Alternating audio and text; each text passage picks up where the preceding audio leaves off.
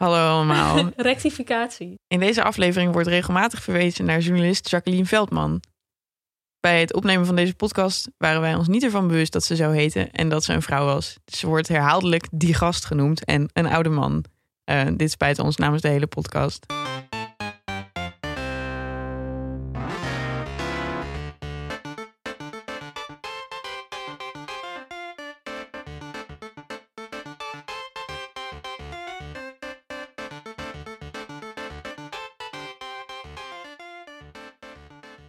Millennials zijn verwend. Millennials hebben burn-outs. Ze neuken minder dan hun ouders en ze eten meer avocado's. De kranten staan er vol mee en iedereen lijkt te weten wat deze generatie kenmerkt. Maar kloppen deze stereotypen wel? En wie kan deze leeftijdsgroep eigenlijk beter onderzoeken dan de millennial zelf?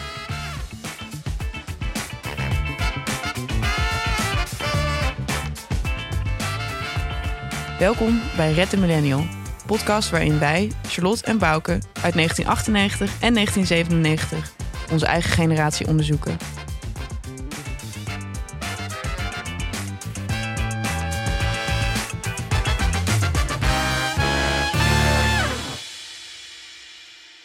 Welkom allemaal bij de derde aflevering die gaat over influencers, vloggers, reality tv en de kunstmatigheid van social media.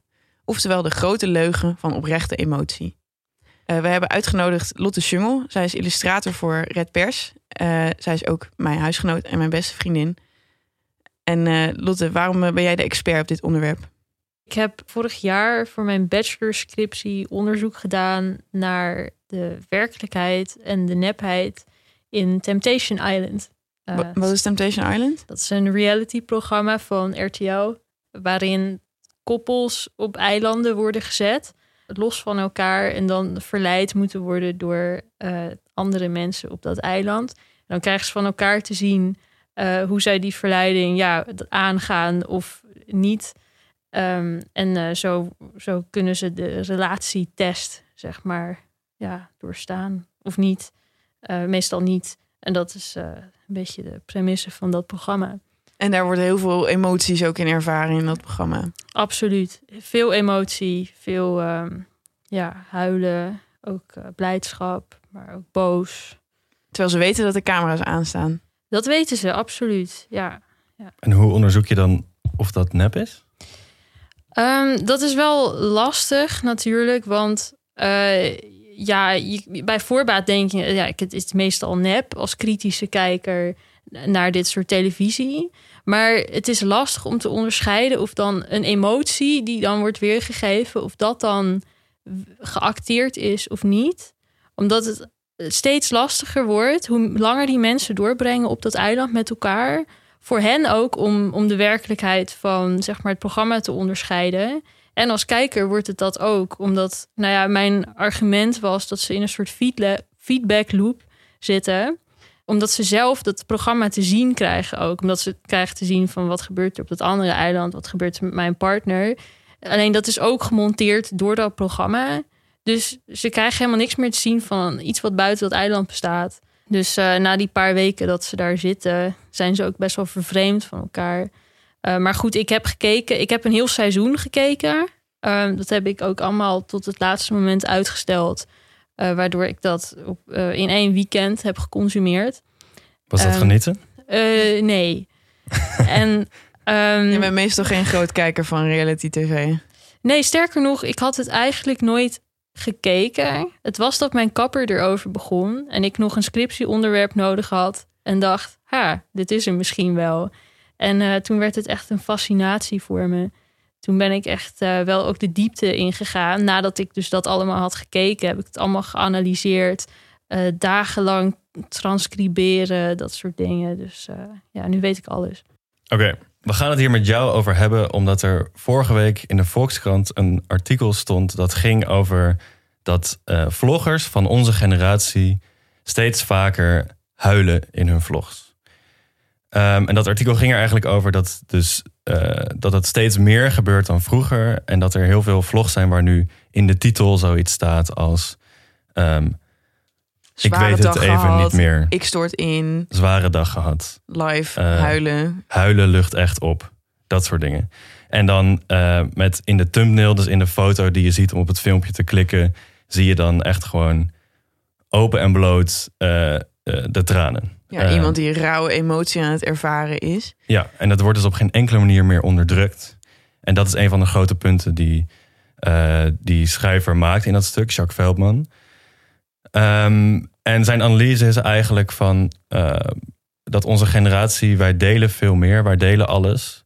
Maar het voelt wel allemaal hartstikke nep. Als je zo'n vlog kijkt, heb je niet meteen het gevoel van eh, dit is een echte hel. Of hij zegt eigenlijk, eh, vroeger had je nog goede films waarin mensen helden, maar het nog wel probeerden te onderdrukken, waardoor het veel echter leek. Allemaal.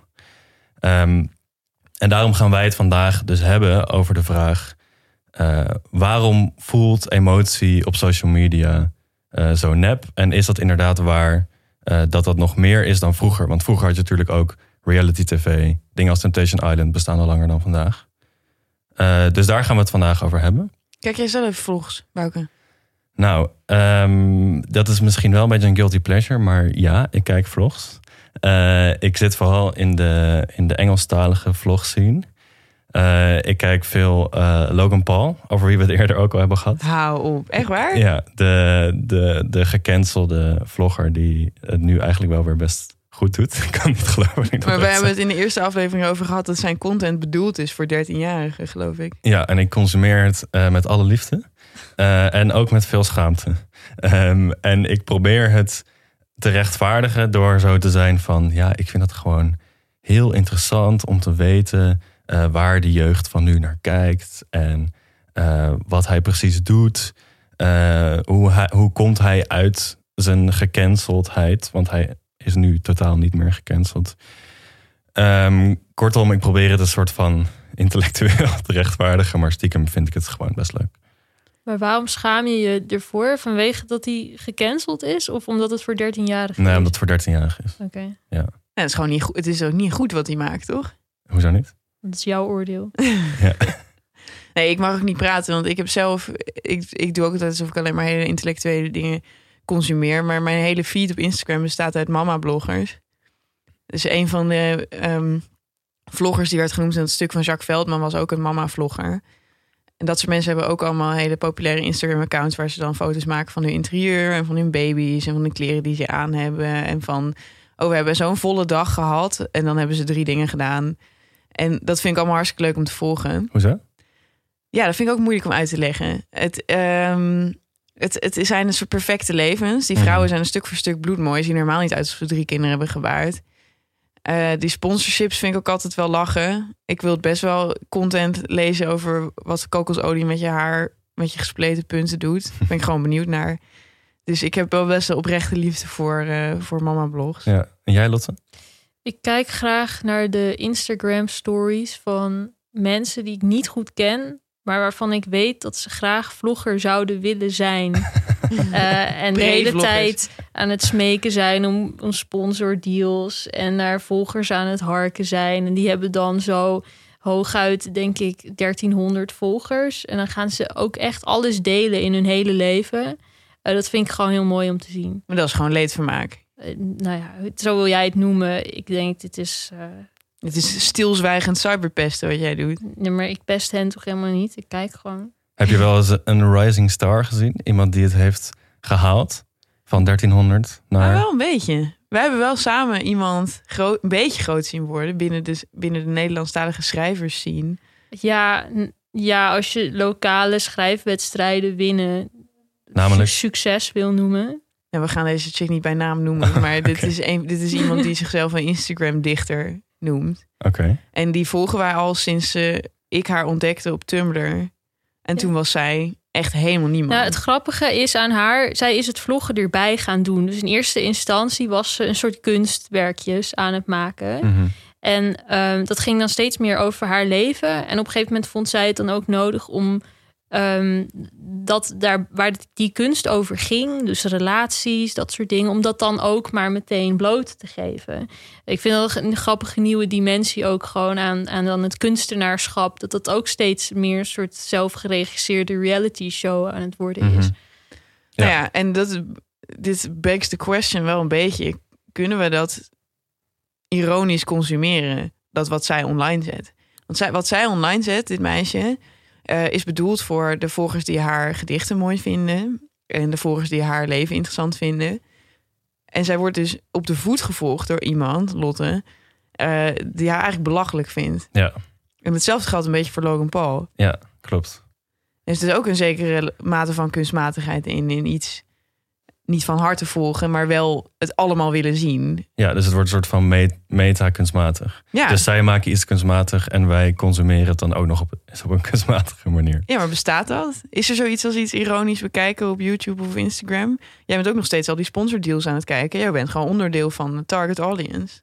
Ja, nee, ja, maar ik denk of je het nou eh, zelf zegt dat je het ironisch kijkt of niet. eh, je bent wel gewoon iemand uit het, uit het publiek. En degene die die vlogs maakt, heeft geen idee dat jij het ironisch kijkt. En toch Dus voelt het... anders. Toch is het zo van, ja, maar ik ben niet zo'n chickie die, die deze poëzie echt mooi vindt. Ja, maar dat is ook gewoon een soort van omdat je niet zo iemand wil zijn. Je wil niet eh, een soort van getriggerd zijn door het YouTube-algoritme en dan eh, al die vlogs zitten kijken. Dus dan probeer je tegen jezelf te zeggen: ja, maar ik vind het niet echt leuk. Maar stiekem. Misschien spreek ik voor mezelf, ik weet het niet. Ja, nee, het is interessant. Kijk, een medium zelf, een website, Facebook, Instagram, YouTube. Het mechaniek van, dat, van die website maakt geen onderscheid tussen ironische en echte kijkers. Mhm. Dus succes uiteindelijk voor zo iemand wordt ook bepaald door cijfers die geheel neutraal zijn. Dus jij bent wel zeker onderdeel van een viewer rate, die ook wordt vertaald naar een succesrate Ja. van iemand. Eh, Behalve als je hele gemene comments zou achterlaten. Zelfs dan, want dan heeft diegene heeft dus engagement op zijn video. Daarom zijn er ook zoveel mensen die dingen plaatsen waarvan ze weten dat mensen zich daartegen gaan keren. Alle aandacht is goede aandacht, want je, je krijgt er altijd geld voor. Je kunt dan, als, als 9000 mensen jouw video hebben gedisliked en eentje heeft hem geliked en hij heeft gewoon heel veel views, dan kun je er alsnog gewoon allemaal advertenties eh, in plaatsen. Eh, we gaan het straks eens uitgebreid nog langer hierover hebben. Maar eerst even kort ons, ons wekelijkse rubriekje. Eh, wat was jullie millennial moment van de week? Charlotte, wil jij beginnen? Ja, ik wil beginnen. Ik, ik denk dat ehm, wat heel erg een millennial woord is, is FOMO. Fear of missing out. Ja. Voor de mensen die de afgelopen tien jaar onder een steen hebben geleefd. Eh, en ik had vandaag een soort bui van FOMO die echt niet te verklaren viel. Namelijk, ik werd niet uitgenodigd voor een begrafenis. Oh. En de rest van mijn familie wel. En die stonden zich toen allemaal in hun pak te hijsen, heel somber. En toen dacht ik van, ja, waarom ben ik niet uitgenodigd? Dus eh, Heftig. ja, het is wel een ontboezeming. Wij kenden de hele man, die overledene niet. Maar dat eh, Maar de rest van je familie kende ook wel? niet echt. Dus er was ook niet helemaal te verklaren waarom zij wel waren uitgenodigd en ik niet. Oh. Maar toen dacht ik, ah, FOMO. En dat is wel echt van deze, van deze gena, denk ik. Maar heb je, heb je FOMO van... Wow, ik had, haar, ik had dat echt niet willen missen? Of heb je FOMO van... Beetje beledigd dat ik niet ben gevraagd? Ik denk niet dat het de event of the season is, maar ik vraag me nou wel af wat ze daar aan het doen zijn. dus ja. Ja. Lotte, jij? Eh, ik heb dit weekend Birkenstocks gekocht bij de Lidl. Eh, die waren daar de helft zo goedkoop als eh, in de winkel. Nou ja, niet in andere winkels dan. Lidl is natuurlijk ook een winkel. Maar ik dacht, ik wil dit hebben, deze Birkenstocks. Zijn het echt Birkenstocks? Of zijn Ja, absoluut, Birkenstocks? 100% echt. 100% echt. Ja, En het was zo'n overwinning. ik vond het, ik, ik kreeg het helemaal warm van binnen. ja. En waarom is dat een typisch millennial? Ja, ik dacht dat de Birkenstock toch weer ehm, Ja, wel, hè? ja, in is. Ja. Ja. heel lang heb ik ook die dingen uitgelachen. Ja. Toen zag ik Charlotte erop lopen. Toen dacht ik, het is best wel gelachen? handig. Het is ja, nog harder gelachen. Eh, het, het het is een schoen die je gewoon zo zonder hijsaar aan kunt trekken. In Voor de van drukke millennial. al die veters. Ja, ik moet natuurlijk de hele tijd overal zijn. Hè, in de tuin en dan weer binnen. Ja. En dan weer buiten. Het is Dan wel handig Temptation Island kijken. om schoeisel te hebben dat niet zoveel eisend is. Ja. Ja. En nu kan je optimaal leven. Absoluut. Ja. Ik heb meer tijd in mijn dag. Als de samenleving veel van je eist, dan wil je schoeisel dat niet zo veel eisend is. En je, jij bent Het is een soort Steve Jobs eh, verhaal, toch? Ja. Zo van, eh, ik doe elke dag dezelfde kleren aan, want dan hoef ik over één ding minder na te denken. Jij ziet er vandaag wel een beetje uit als Steve Jobs. Ja, geheel bewust. Om even voor de, voor de mensen die niet in de studio zijn. Bouke heeft een zwarte kooltrui aan. En En jij hebt best wel altijd een millennial bestaan. Ik vind jouw millennial van, moment van de week altijd ongeveer het meest gênant. Dus ik verheug me hier ook wel op. Wat heb jij vandaag uh, Nou, het is dit keer... Ik vind het heel gênant, maar het is gelukkig niet gênant voor mezelf uh, deze keer. Um, mijn vriendin is aan het verhuizen deze week. En uh, daarom zijn ze allemaal dingen aan het verkopen van hun oude huis. Ze woont met vijf andere vrouwen.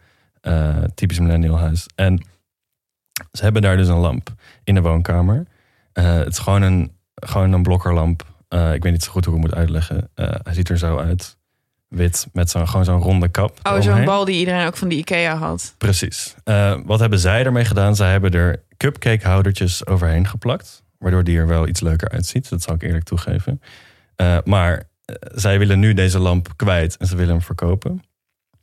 En toen zat ik gisteren op Instagram en toen zag ik dat de huisgenoot van mijn vriendin heeft als advertentie boven de lamp gezet mooie handmade designer vintage lamp.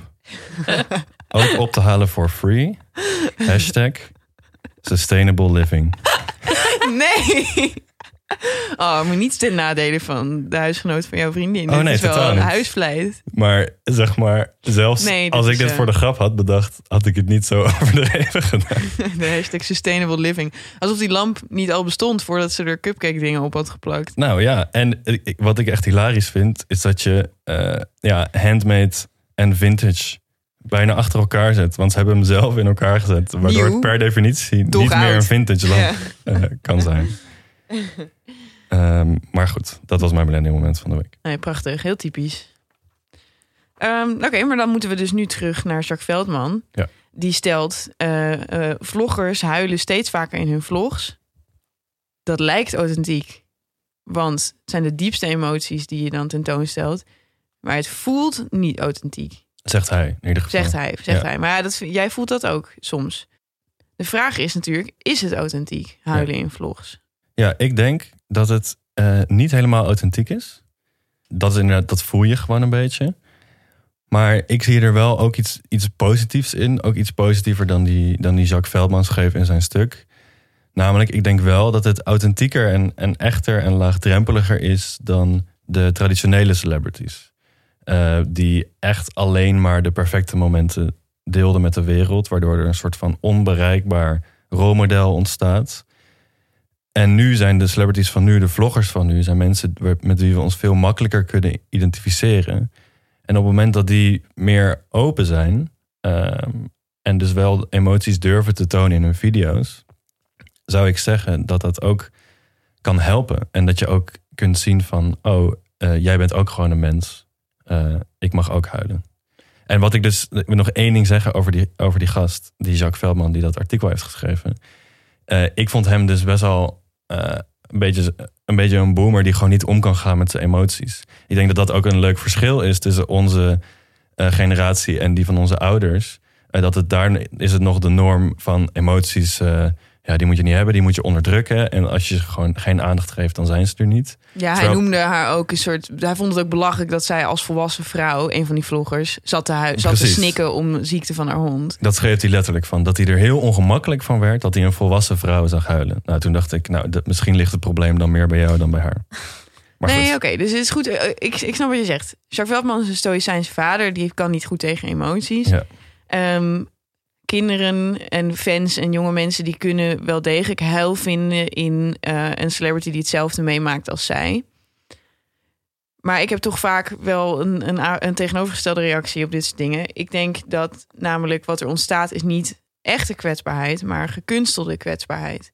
Kwetsbaarheid is niet een natuurlijk onderdeel van iemands leven gebleken, maar als een soort commodity komt dat voor in, in, in vlogs. Omdat je het kan verkopen. Ja, omdat het zo verkoopbaar is. Mm -hmm. We hebben gezien in die, uh, de titels van die vlogs.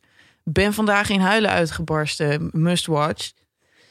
Dat het. Uh, uh, en op zo'n op zo'n video van 40 minuten zitten gewoon vier mid-roll reclames. Dat, ja. dat het filmpje stopt en dat je dan een minuut moet kijken naar een Gillette reclame.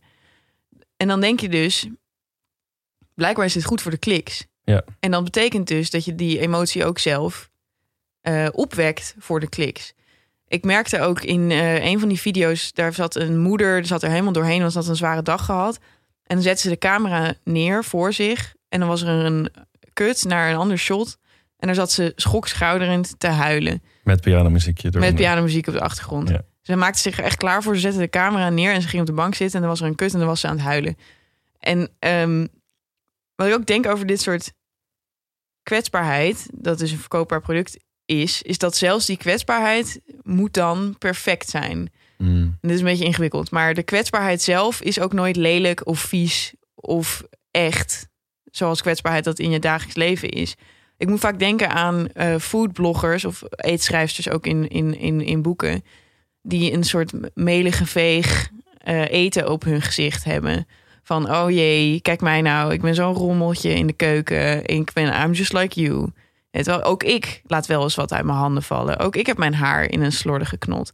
En dan is het, dat is dan, het ziet er nog steeds altijd heel fotogeniek uit op dat soort foto's. En ik denk dat huilen in vlogs eigenlijk heel erg te vergelijken met de veegmeel in een, in een, eh, in een kookboek. Die is daar ge- neergezet. Ja, dus het is gewoon volledig in scène gezet. Je had bijvoorbeeld ook in een van die filmpjes die in dat artikel werden besproken, eh, zei een van die vloggers die net had gehuild, toen zei ze: Trouwens, jongens, sorry dat het licht nu niet zo mooi is. Ik had het liever op een ander moment gefilmd. Wat Nee. precies een beetje is wat je nu zegt, toch? Nou ja, ze zit dus niet in haar hoofd met haar eigen leed. Ze, zit niet, ze, ze barst niet los ineens, onverhoopt. Maar die suggestie wekt ze wel door te zeggen van... nou ja, als, als, ik het, als ik het had georchestreerd... dan had ik wel beter licht gehad. Ja, ja, dus het is allemaal. Het is misschien ook wel een beetje nep en kunstmatig. Maar dat roept dan de vraag op van. Is dat erg? Ik bedoel, als het er wel voor kan zorgen dat je meer. Dat je zelf misschien ook opener kan zijn over je emoties. Nou, wij hadden het laatst over hashtag eh, I woke up like this. Ja. Namelijk, wat daar zo kwalijk aan is... is dat die vrouwen, die hebben dan hashtag no make-up, hashtag no filter... maar alles wat ze wel aan zichzelf hebben laten doen... dat wordt dan, valt dan in het niet. Want dit is de werkelijkheid. Ja, ze zijn dan nog steeds eh, bloedmooi. En als kijker denk je dan alleen maar over jezelf van... oh, als ik er zonder make-up eh, aan het eind van de dag voor de spiegel sta... dan zie ik er helemaal niet zo uit. Dus ze zijn dan alsnog beter dan jij. Zelfs zonder al die eh, gestileerde eh, dingen in hun leven. Nou ja, en ze gaan dus voorbij aan de kunstmatigheid die ze, die ze... Want ze zeggen, is ze doorbreken een zekere kunstmatigheid. Ze zeggen, al die andere vrouwen die met make-up op... die zijn nep, ik ben echt. Maar dan hebben ze wel collagenen in hun wangen laten spuiten. Ze hebben wel hun wenkbrauwen laten microbladen. Ze hebben een stukje van hun kin laten afschaven. Allemaal dat soort dingen. Kylie Jenner zet regelmatig iets online waaronder staat... hashtag I woke up like hashtag no filter, hashtag no. En dan denk je van ja, maar kom op. Kylie Jenner bestaat ongeveer voor 90% uit cosmetische ingrepen. Ja, dus hun level van echt is nog steeds super kunstmatig. En dat is, kan een hele slechte invloed hebben op je eigen zelfbeeld. Ja, dus het label echt plakken op iets waar nog steeds heel veel aan is gedaan, Ja. is denk ik kwalijker dan gewoon keihard nep zijn. Denken jullie dat, dat, dat dit een veel groter probleem is voor vrouwen dan voor mannen? Mm, dat vind ik wel een goede vraag. Ik denk ook in de mannen-influencer wereld. Dat ten eerste geld speelt dan ook nog een hele grote rol. Je moet het je maar kunnen veroorloven veel tijd ervoor uit te trekken. Om bijvoorbeeld naar de sportschool te gaan, grote spieren te kweken. En het juiste dieet te volgen. Ik denk dat dat voor heel veel, vooral qua uiterlijk vertoon, in, in die wereld heel belangrijk is. En ja, als jij gewoon elke dag heel vroeg op moet opstaan om naar je werk te gaan en aan het eind van de dag kapot bent, dan kun je natuurlijk je niet meten aan, aan zo iemand die gewoon de helft van de week in de sportschool staat. Ik moet denken aan Dan Bilzerian. Zijn jullie hem ooit tegengekomen? Ja. Zijn hele ding, hij is een soort influencer voor enge mannen eigenlijk. en hij, zijn hele ding is dat hij heel veel geld heeft Ja. en, daar, en, en, een, en een soort cartoon helden lichaam en een heleboel lekkere wijven heeft hij altijd bij zich. En wat blijkt, op een gegeven moment blijkt dat hij die chicks gewoon inhuurt. Dat is Mhm. een soort milde prostitutieservice. Om Mhm. altijd maar in zijn eh, foto's te figureren. Ehm, maar, maar hij wekt de suggestie dat hij gewoon een heleboel poesie kan krijgen. Omdat hij zo, dat hij zo leuk en vet en cool is. Eh, dus dus dat, is, dat is dan weer mannen die kijken misschien niet zoveel naar elkaars uiterlijk. Nee, maar wel naar status. Status, en hoeveel ja. vrouwen kan je krijgen. Geld en vrouwen is daarin, Ja, denk ja, ik. ja, Er moet Ja, nog dus zoiets eigenlijk- komen als een eh, hashtag no paycheck. Ja, ik heb deze vrouw gekregen terwijl ik geen cent te makken heb. Of een foto van je haargrens. Oké, maar jouw vraag was dus: is dit een kwaad? Ja.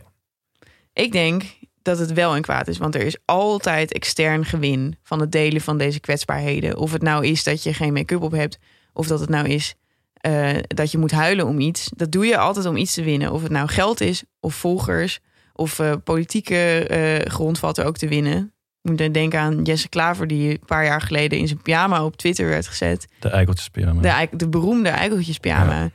En die eh, mij, mij, alleen maar, mij alleen maar deed denken... ja, hij heeft die pyjama alleen maar aangetrokken voor de foto. Want iemand die slaapt toch gewoon in zijn onderbroek? Of niemand draagt een tweedelige pyjama. Ja, het zou me echt niks verbazen als Jesse Klaver daadwerkelijk een tweedelige pyjama gebruikt. In al zijn lulligheid. Ja, ik, heb, precies. ja, ik heb wel GroenLinks gestemd hoor, jongens. Nou ja, je moet niet Ah, alleen gelukkig, anders had ik kijken je echt naar- ziek hard gekend. Nee, je kijkt nu alleen eigenlijk naar de maker van deze content. Terwijl blijkbaar eh, is er ook vraag naar deze kant van een politicus.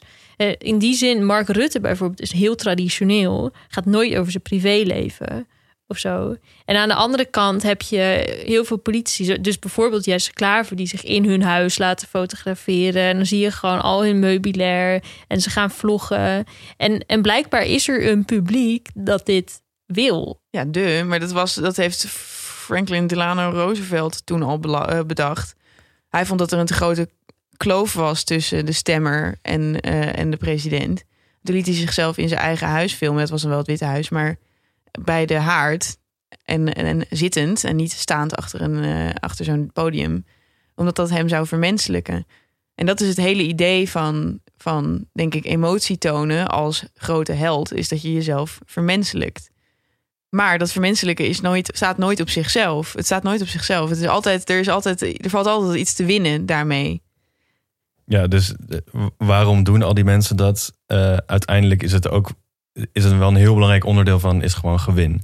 Dus ofwel je doet een soort van eh, emo-economie. eh, ik ga huilen zodat ik meer geld krijg, want ik krijg meer kliks. Ofwel je gaat in je pyjama bij de haard zitten zodat je meer stemmers krijgt.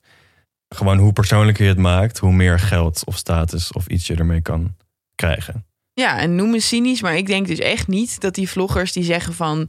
oh, als ik ongesteld ben, dan weeg ik altijd een paar kilo meer. Ik, denk niet dat ze dat doen om meisjes van 15 steun te bieden.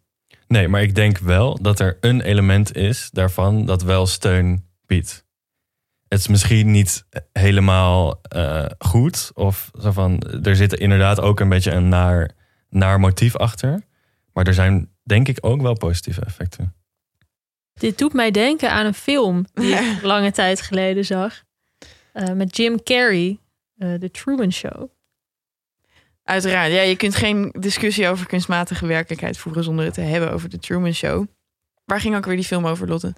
Dat gaat over eh, Truman. Die wordt gespeeld door dus Jim Carrey. En die groeit op in, nou ja, gewoon wat hij denkt, dit is de wereld. Het is een soort eilandje in de Verenigde Staten. En halverwege de film blijkt ineens dat hij onderdeel is van een enorm plot waarin zijn hele leven al sinds zijn jeugd is vastgelegd op een soort ja, reality-programma waar de hele wereld naar kijkt.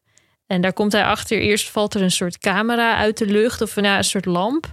En hij ziet ineens dat iedereen zich gedraagt als een figurant en elke keer hetzelfde script aanhoudt. Ehm, en zijn vrouw houdt niet echt van hem, want zij is ook maar een actrice. Nou ja, en zij is ook de hele tijd een soort branded content. Midden in een gesprek haalt ze dan een pak, eh, wat is het? Chocolademelk mix tevoorschijn. En dan zegt ze, oh, terwijl ze een heel zwaar gesprek voeren over waarom zij geen kinderen van hem wil, zegt ze ineens van, wil je niet gewoon een kopje chocolademelk? En dan houdt ze dat pak omhoog richting een camera. En daarom doet het me zo vreselijk denken aan, aan vloggers en influencers, omdat die ook heel erg aan, aan eh, branded content doen.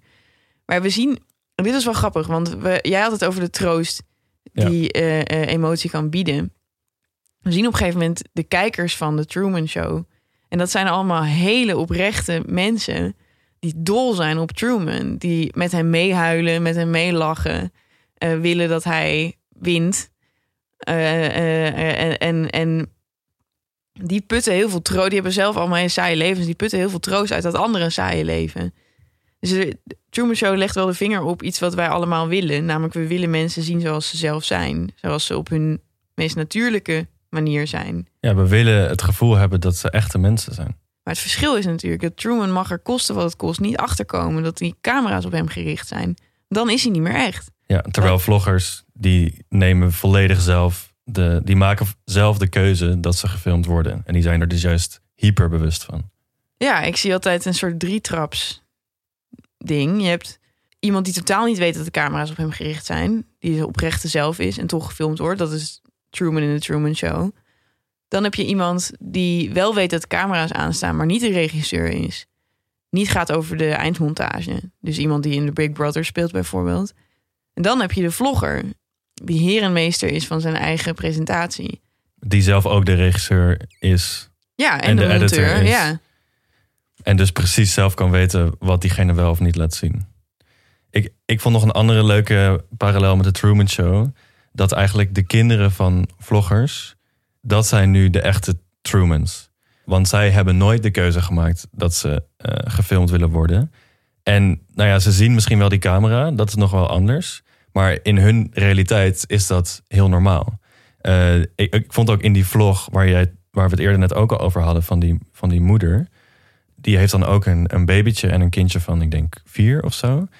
En je ziet gewoon in die ene vlog al eh, dat die kinderen zijn heel bewust van die camera. Die kijken er af en toe in. Ehm, Ik denk wat jij bedoelt is dat de camera is zo genormaliseerd in hun leven dat ze hem niet meer zien. Dus hij wordt onzichtbaar omdat hij zo geïntegreerd is in het gezin eigenlijk. Het is een gezinslid bijna, die camera. Het is gewoon nog een paar ogen dat op die kinderen staat gericht. En voor die kinderen wordt het op een gegeven moment dus doodnormaal dat, dat die camera de hele tijd rond hen eh, zweeft, zeg maar, en alles wat ze doen gewoon opneemt. Dus in die zin zijn het inderdaad Trumans. Ze kunnen wel de camera zien, maar eigenlijk kijken ze er langs. Want ze kijken gewoon naar hun ouders. Die houden dat ding vast. En ze, de vraag is of ze zich anders gedragen als die uitstaat of niet. Maar dat kun je niet van een vlog aflezen. nee, dat is precies hetgene wat achter wordt gehouden. Ja. Ja. Wij zijn zelf natuurlijk in zekere zin ook een soort Trumans of vloggers. Want wij hebben allemaal ook eh, social media eh, accounts. Waarop we onszelf blootstellen aan de wereld.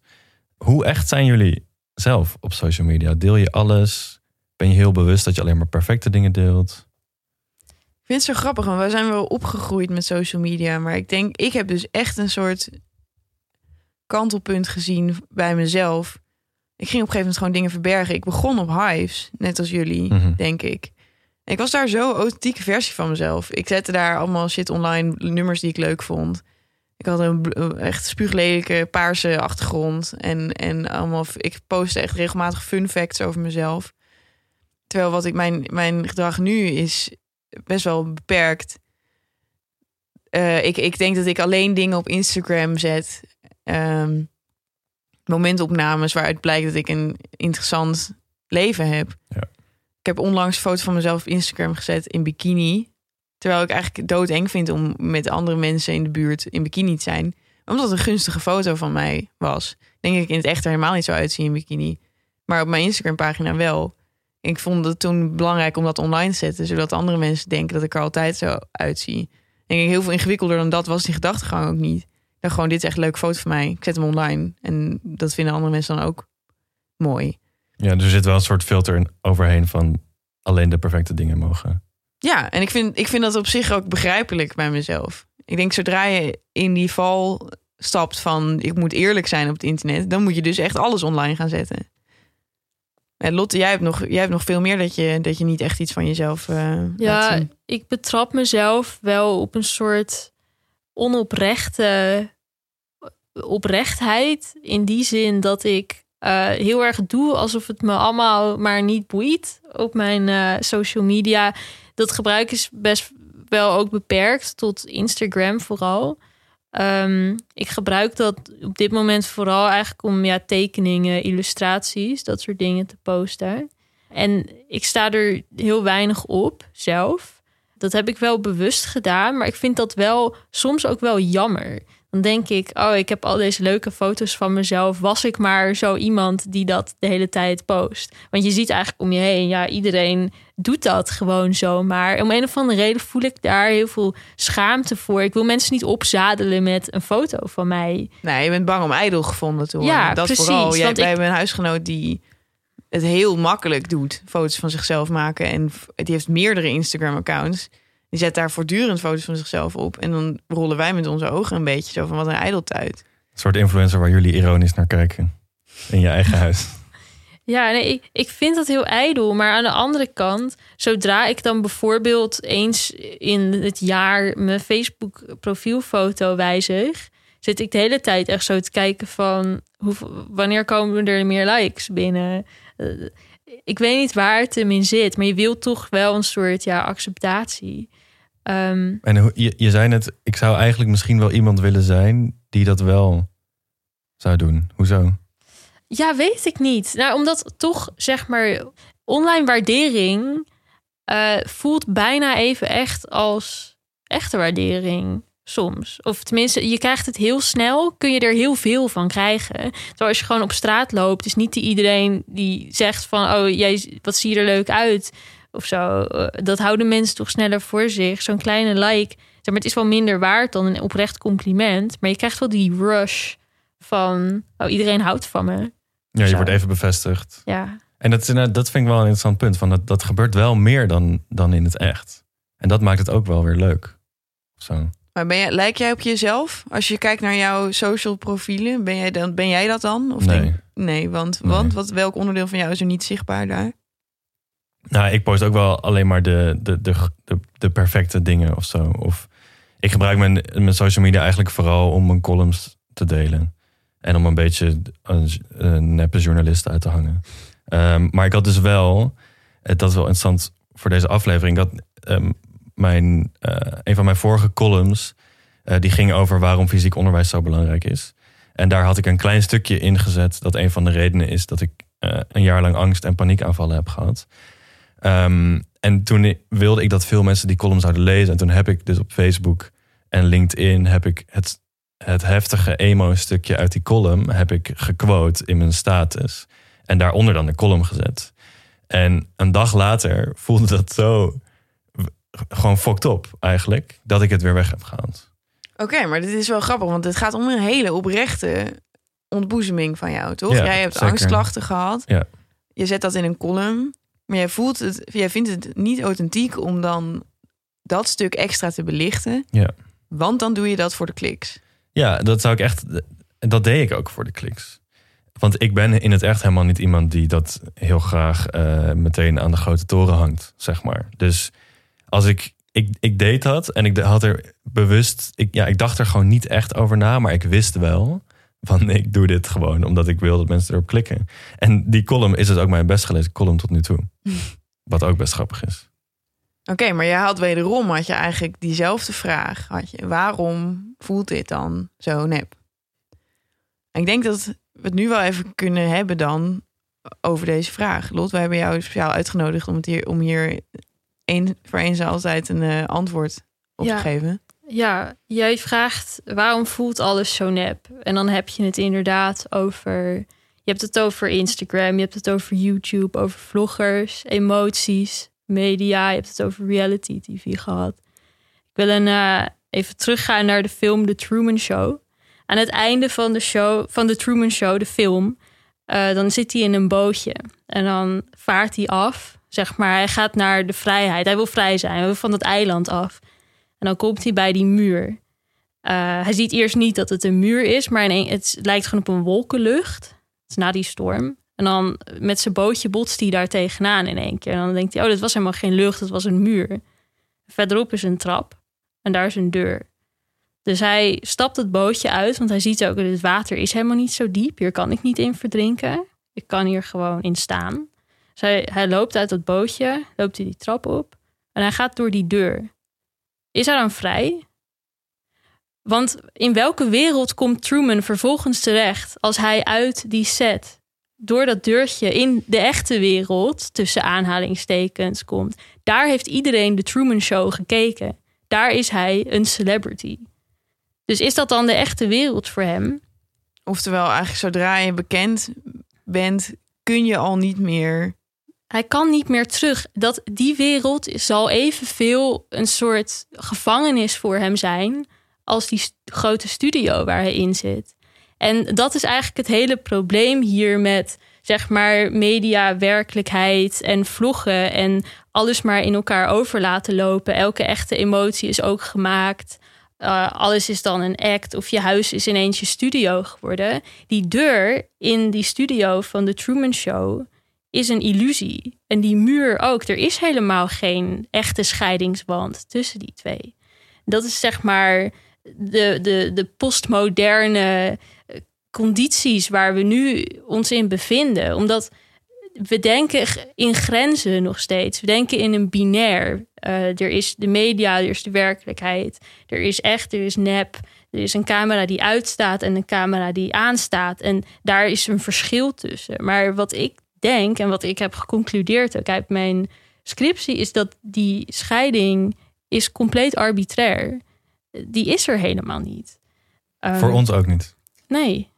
Maar is het niet zo dat, oké, iemand in, dan om de boom alleen in het bos even weer tevoorschijn te halen. Uh, de, de, boom die alleen in het bos staat, die huilt wel oprecht. Toch? Iemand waar geen camera's op zijn gericht, die hm. heeft wel oprecht, ervaart oprechte emotie. Truman, voordat hij weet dat die naar, naar, naar hem wordt gekeken, uh, heeft hele oprechte momenten dat hij in huilen uitbarst en dat hij in gesprek is met die vriend van hem dat hij terugdenkt aan zijn jeugd. En zo, zolang hij niet weet dat de camera's aanstaan, is er nog wel een verschil tussen aan en uit. Maar hoe weet je dat die mensen die voor de camera houden dat niet ook oprecht doen? Zeg maar, misschien, dit is ook een um, verschil, denk ik, tussen simulatie en stimulatie. Uh, daar had ik het ook nog in mijn scriptie over gehad. Maar dat is, je kunt een emotie wel degelijk oproepen. En dat is zeg maar de omgeving of de voorwaarden daarvan kunnen zo'n emotie stimuleren. Kijk, je kijkt naar een film en die is misschien heel verdrietig en dan ga je huilen. Maar je kunt, je kunt die film op elk moment van de dag opzetten en daarom gaan huilen. Maakt dat jouw emotie minder oprecht? En als je jezelf dan filmt terwijl je om die film huilt, is dat dan minder oprecht? Je voelt nog steeds hetzelfde. Dus een emotie binnen een mens, dat is gewoon een soort lichamelijke ervaring en je kunt misschien, je kunt het ook nep doen. Je kunt ook in je eentje zonder camera erbij gaan nep huilen. Dat kun je ook doen. Dus het, maakt niet zoveel uit. Maar die, denk ja, je dan is dus dat... We hebben een verkeerde vraag gesteld. Ja. Eh, waarom voelt alles zo nep? Omdat we het verschil niet meer weten. Zeg maar, er zijn nepdingen, er zijn echte dingen. En, en er wordt niet meer duidelijk aan ons gemaakt wat nou het ene is en wat het andere dat moeten we nu voor onszelf gaan bepalen. En ja, we komen erachter. Kijk, je ziet heel veel van die comments in die vlogs die we hebben gekeken in dat artikel. Die, die zijn allemaal heel erg aan het meeleven met die mensen. Die, die mensen in die comments zijn helemaal niet bezig met: oh, maar dit is zo onoprecht. Die zeggen gewoon: ik, ik betuig mijn medeleven met het verlies van jouw hond. Um, die hond was niet eens dood. Die hond was niet eens dood. Nee, maar die mensen die zelfs schrijven in die comments... ik heb meegehuild met je. Oké, maar ik, dit is toch... ik vind het een interessante discussie, want... emotie opwekken... en dat het dan oprechte emotie is... daar kan een heleboel huichelarij en bedrog aan vooraf gaan. Mhm. er, is, er waren toch die... Uh, dit was ook een, een recent schandaaltje. Die vloggers die een kindje hadden geadopteerd bleken het opvoeden van dat kindje niet aan te kunnen. En hebben toen in stilte dat kindje maar weer geretourneerd. Ja, en dat, dat kindje had dus allemaal stoornissen en zo. Nee, dat, dat kindje was, had dat behoefte inderdaad meer een ingewikkeldere opvoeding dan het gemiddelde kind. En dat dus maakt het, extra zielig. Dus het was, daarom, wil, daarom wilden ze het eigenlijk, het moeilijke kindje, wilden ze eigenlijk hebben, omdat het, omdat het een interessant verhaal was. En toen bleek het toch inderdaad heel overweldigend te zijn om dat kind te moeten opvoeden. En toen hebben ze het teruggebracht. En dan zou je eigenlijk in deze wereld, waar er geen verschil is tussen echte en neppe emotie, zou je kunnen beargumenteren dat zij iets goeds hebben gedaan, omdat zij honderdduizend mensen van een oprechte traan hebben voorzien. Ja, maar en eh, als je het hebt over het verschil tussen stimulatie en simulatie van emoties, je kan dus met een neppe bedoeling, wat jij zegt, je kan met een neppe bedoeling een echte emotie te bewerkstelligen, toch? Het kan best dat die, dat die vloggers daadwerkelijk uh, dat huilen voelen, die emotie daar oprecht voelen, maar dat ze het doen uit de motivatie voor geld en kliks. Oké, dus dan dat, dat is prima. Dan moeten we het goed vinden dat er aan de ene kant van de camera iemand nep huilt en aan de andere kant van de camera iemand echt huilt. En dat daartussen een transac- transactie is met geld Ja. of politiek gewin of wat dan ook. Maar het is niet erg, want als er uiteindelijk oprecht gehuild is, dan is alles te rechtvaardigen. Ja, of ik weet niet of het te rechtvaardigen is. Ik weet niet wat je moet rechtvaardigen. Maar het kan inderdaad wel, het kan dan wel echt zijn. Ja. Een andere theorie die ik hier heel kort op wil loslaten, is dat dit ook gewoon de ver-Amerikanisering van de cultuur is. Wij als Nederlanders zijn vrij nuchter. Ehm, en wij denken al snel bij iemand die aan het huilen is van, nou ja, jank niet zo. Net zoals Jacques Veldman schreef. Precies stuk. zoals Jacques Veldman schreef. Eh, terwijl heel van die vloggers, die zijn allemaal geïnspireerd door hun Amerikaanse voorbeelden. En ik denk dat in die cultuur, eh, niet om het allemaal over één kam te scheren, maar daar is het wel een stuk gebruikelijker, altijd al geweest, om juist heel erg heel veel emotie overal in te gooien. Vooral huilen. Eh, We kennen allemaal drama uit Hollywood en, en al die series. Die, die zitten vol hiermee. Dus misschien zijn we, zijn we een beetje ontwennig nog op deze manier. Vooral mensen zoals Jacques Veldman En ik. en jij. Eh, maar heel veel mensen zullen dit heel normaal vinden. Maar is dat dan op, op echt of nep? Of dat kan je Wat dan maakt niet het echt uit? meer- Het is Ja. cultuurverschil. Ja, wat maakt het uit? cultuurverschil. Er zijn ook inderdaad landen waarbij het eh, absoluut not done is om hardop te lachen. Of, of eh, om, eh, laat staan om te huilen in de trein.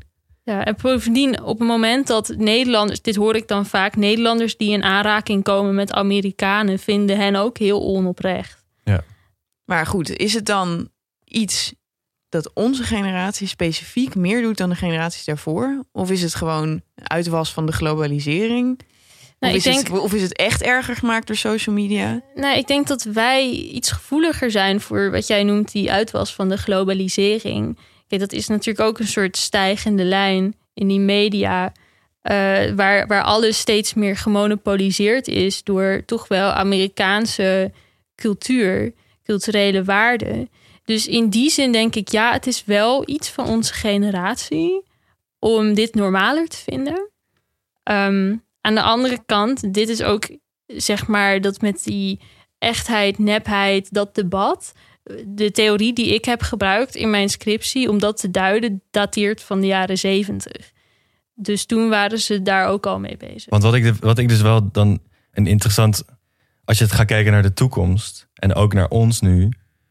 Wij groeien eigenlijk in zekere zin allemaal op in een, in een reality tv show. Dat vind ik, ik vind het zelf best confronterend, het antwoord wat jij geeft op onze vraag. Omdat ik ook heel bij mezelf meteen naga van... Ja, wat, wat, wat voel ik eigenlijk echt en wat voel ik nep? En dat is ook omdat je... Omdat in ieder geval ik wel ook heel veel bezig ben met eh, wanneer je wordt bekeken en wanneer niet. En dat heeft denk ik heel erg te maken met social media. Dat je je daarop manifesteert. En dat je dan, nou ja, dat die grens zo door elkaar loopt. Nou ja, die zoektocht naar de werkelijke mens en wat, wat iemand is als hij niet bekeken wordt. En wie ben ik nou eigenlijk als ik niet bekeken word door de mensen om me heen. Dat is een zoektocht waar überhaupt nooit een antwoord op zal komen. Dat was Sartre himself, zei ook al van... oh, ik ben, al, ik ben wie ik ben op een borrel, je. Ik ben wie ik ben in de oren van anderen. Eh, dus misschien komen we daar ook met z'n allen niet van af. Misschien is het, eh, om het te verbinden aan social media... is inderdaad misschien best een boomer move. Ja. Dat doet Jacques, doet Jacques- Jacques Velkman doet dat en wij trappen er eigenlijk met open ogen in. ja, we proberen hem nog een beetje te bekritiseren. Maar uiteindelijk zijn we er zelf ook heel erg schuldig aan. Oké, nou ja, dan is inderdaad antwoord op onze vraag: waarom voelt alles zo nep? Daarin is het sleutelwoord voelt. Het is niet eens per se nep. Nee, Eens? eens. Hartstikke eens. En dan het antwoord op onze andere grote vraag die we elke aflevering stellen: is dit specifiek iets van onze generatie? Ja, dit keer kunnen we dus denk ik zeggen van wel. Onze generatie is meer gewend aan camera's en publiciteit dan de generaties voor ons. Eh, daarbij komt dat we allemaal een handje hebben gekregen van eh, Amerikaanse drama. En misschien iets meer overdreven onze emoties uiten. En het gevolg daarvan is, vooral van die camera's, is dat de grens tussen nep en echt voor ons een beetje aan het vervagen is. Ben ik mee eens. Top.